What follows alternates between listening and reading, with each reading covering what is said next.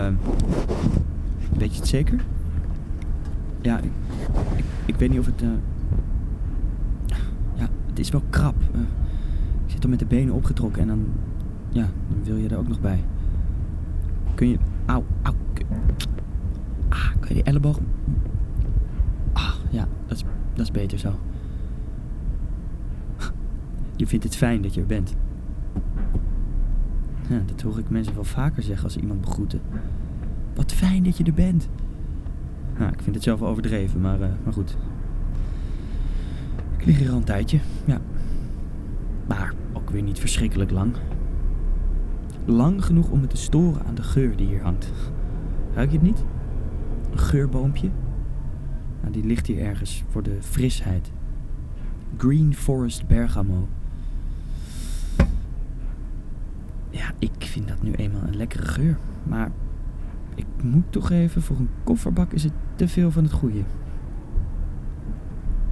Mijn vrouw is vitamine E-olie halen bij de natuurwinkel. Het is in de aanbieding en dan is ze er als de kippen bij. Ze gaat ook nog langs de H&M, zei ze, dus eh, nou, dan weet je wel dat ze voorlopig nog niet klaar is. Ik heb maar gezegd dat ik naar Tromp moest. Dat is de hengelsportwinkel in de Weverstraat. Maar daar ben ik niet heen gegaan. Ik vis al heel lang niet meer, dus waarom zou ik? In plaats daarvan ben ik teruggelopen. Heb de kofferbak geopend. Ik ben erin gekropen. Ik doe dat wel vaker. Waarom? Ik zou haast willen zeggen, dat gaat je niets aan. Nou, doe maar dan. Ik, ehm, ik wil met rust gelaten worden. Daar komt het op neer.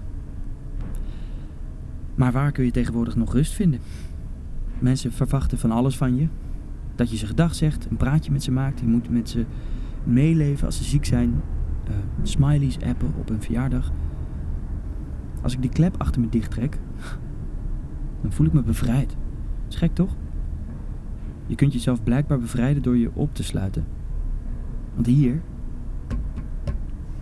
Ja, hier voel ik me vrij. Hier hoef ik niets. En daarbuiten moet van alles. En daar zit je dan net zo goed opgesloten in het leven. Ja, ik geloof wel dat je dat over mijn leven zeggen kunt.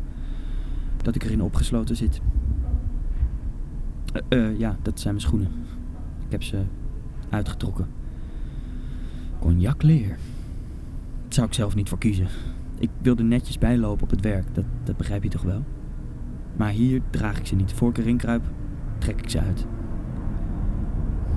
Weet je wat het is? Soms duwt het leven je onherroepelijk een bepaalde kant op. Ook als je zelf die kant helemaal niet op wil. En voor mij stonden die instappers op me te wachten. En voor jou ongetwijfeld een ander paar schoenen, want ja, in jouw leven zul je ook niet alles voor het uitkiezen hebben. Oh, eh, mocht je dorst hebben, ik heb hier ergens een, fles water. ehm. Als, je, als je je hoofd een klein beetje optilt, dan lukt het wel. Je hoeft niet. Je hoeft niet. Oh, dat, dat maakt niet uit hoor. Wacht.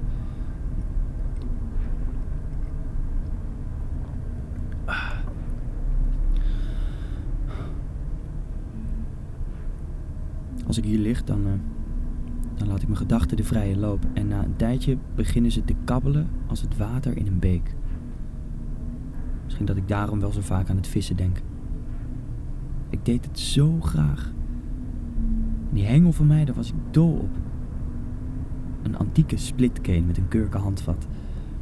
Een goed kurkenhandvat kost alleen al een halve hengel, wat sommigen ervoor vragen. En dan heb je er dus figuren tussen zitten die er korksealer op wrijven, om het mooi te houden. Maar een kurkenhandvat moet geleefd zijn. Dan hoor je dus niet schoon te maken. Laten uitwasemen als het vochtig is, meer doe je er niet aan. Ik hou van vissen. maar ik doe het niet meer. Mijn stek aan de rivier ben ik kwijt, want er is een fietspad aangelegd. Een dikke plak asfalt, dwars door de uiterwaarden. Het heeft er wekenlang naar teer geroken. De natuur biedt niets anders dan twijfel en onzekerheid. En de mensen die willen daar juist van af.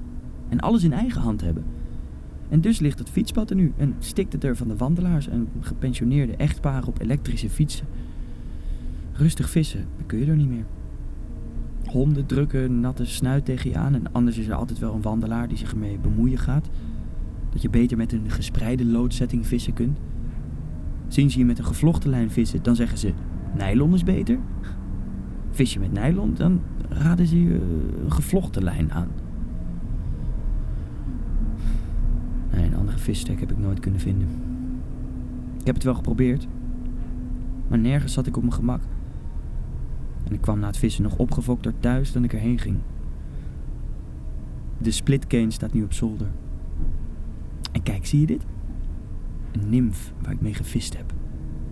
Een fazantenveer, een beetje dubbing, afgebonden met een gouden kopje. Ik vis nog wel met die nimf, maar alleen in gedachten. Ik heb hier al heel wat vissen gevangen. Niet in een rivier, maar in een beek. Met de voeten tussen de keien. Het water spat op. Aan de lijn knoop ik die nimf en ik laat de nimf boven het water zweven. En de forellen die bijten als gekken. En de een na de ander trek ik zo, het kolkende water uit. En dan valt het zonlicht op de schubben en dan lijken die forellen van puur zilver. En als dat licht in je ogen valt, hè, zonlicht weer kaatst door die forellenschubben, dan snap je meteen dat we het leven aan de zon te danken hebben. Al kun je ook zeggen dat met een spartelende forel op de kant de dood nooit ver weg is. Jij denkt ook aan een beek? Toch niet aan de beek met de goudvissen, hè? De varens die komen van het tuincentrum. En aan het begin en uiteinde zit een pomp. Aan de andere kant. Daar bruist het water. Hier binnen kabbelen slechts gedachten. In een mist van Green Forest Bergamo.